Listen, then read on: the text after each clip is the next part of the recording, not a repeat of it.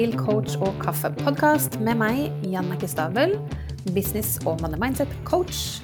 Heng på for en prat om businessstrategi, penger og money mindset, og ikke minst det å sjonglere businessen vår med livet ellers.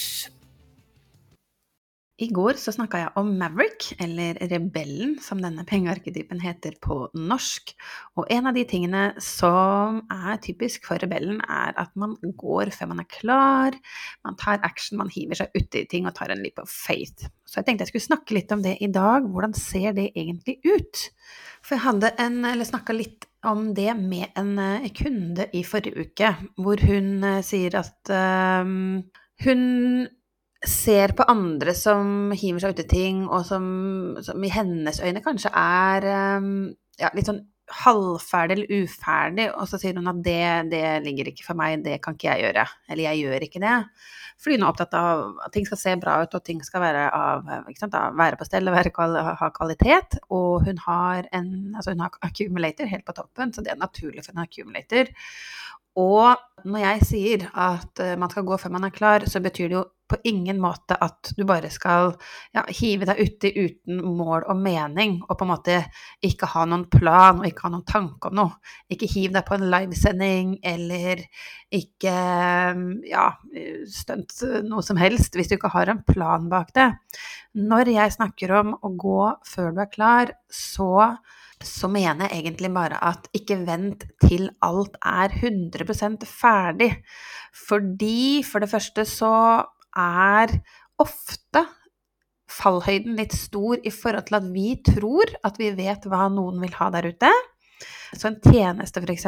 Det å lage en tjeneste helt ferdig før du begynner å snakke om den, før du begynner å markedsføre den, og før du begynner å selge den, er en risikosport, fordi at hva om du ikke helt har truffet på det kundene dine, eller potensielle kunder, da, vil ha. Og i tillegg så kan det være at du har laget noe som er veldig bra, og hva om du da bommer på markedsføringen din? Og så får du veldig liten respons, og så tolker du det dit hen at ingen er interessert i tjenesten min, men så er det kanskje bare et eller annet i budskapet som ikke når frem. At ikke du treffer eller snakker til riktige personer, eller at du ikke klarer å formidle hva er det som ligger her, hvorfor skal noen signe med deg, hva, hva er verdien her, hvordan ser verden ut etter at de har eh, ja, kjøpt eller investert i denne tjenesten. Så det er det ene. Men så er det også litt det der at vi trenger litt tid på å bearbeide ting. Så på mottakersiden, når du begynner å snakke om noe før det er klart, så gir du eh, de som potensielt kommer til å investere deg, i deg, du gir de litt tid på å reflektere litt, tenke over det og begynner å, å tease litt. Og du kan også, ikke sant, du, du hva heter det, du gager, eller du, du, får sondert litt interessen og terrenget der ute når du begynner å snakke om noe. Så det å ha en venteliste til noe som ikke er klart ennå, f.eks., er smart.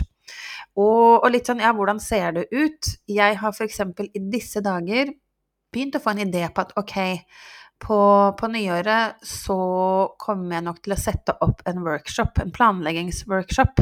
Og så har jeg, ikke sant, da går jeg før jeg er klar. Dette er første gangen jeg snakker om det høyt, så da vil noen tenke hm, det, hva er det for noe? Trigge litt nysgjerrighet, kanskje. Eller minne noen på at ja, ok, det er noe jeg må tenke på. Få med meg alle de som Vi er vel litt forskjellige. Noen har hele planen for 2024 klart allerede. Jeg pleide å være sånn tidligere, og kjenner eh, med tiden, eller har begynt å kjenne med tiden, at eh, jeg er veldig i energien i dette året så lenge jeg er her. Og så er det ikke sånn at jeg ikke har tenkt på, eller ikke har noen planer eller sånn for 2024, eller for det året etter, men jeg tar litt med den detaljorienteringen og litt mer ja, detaljert planlegging, rett og slett, når jeg først kommer inn i det nye året, fordi at da har jeg energien der. Så jeg vil veldig gjerne være i dette året nå. Um, så lenge, altså bare stå løpet ut, som jeg snakker om. Og så funker det for meg, så jeg blir ikke stressa av å ikke ha de planene klare. Så der er vi litt forskjellige. Så da kan jeg kanskje få med meg de som kjenner at ja, ok, jeg har ikke planlagt ennå, til å begynne å bare tise en interesse for at det kommer en planleggingsworkshop på nyåret. For eksempel. Så jeg har, jeg har ikke selve den workshopen klar, jeg har en idé om å Jeg har jo kjørt eh, lignende ting tidligere, men ingenting er klart. Jeg har ikke begynt å tenke på Jeg har ikke skrevet noen e-poster ennå, jeg, jeg, har ikke gjort noen ting av det. Men jeg, nå, nå, går jeg før jeg er klar. Så det betyr bare at, at jeg snakker om noe som i forkant, istedenfor å vente da til nyåret, f.eks. Så det er på en måte ikke verre enn det heller, men klart, jeg merker stor forskjell på første gangen jeg gikk sammen med betakunder i et online-kurs. Aller første gangen jeg gjorde det, så var det relativt ukomfortabelt. Og så har det blitt mer enn eh, hva skal jeg si, mer en vane for meg, eller at jeg ja, kjenner at det, det, funker. Så Money Lounge, som er det programmet jeg har rulla ut nå i høst, det har også blitt til mens jeg har gått. Det har gått før jeg var klar, jeg begynte å snakke om det.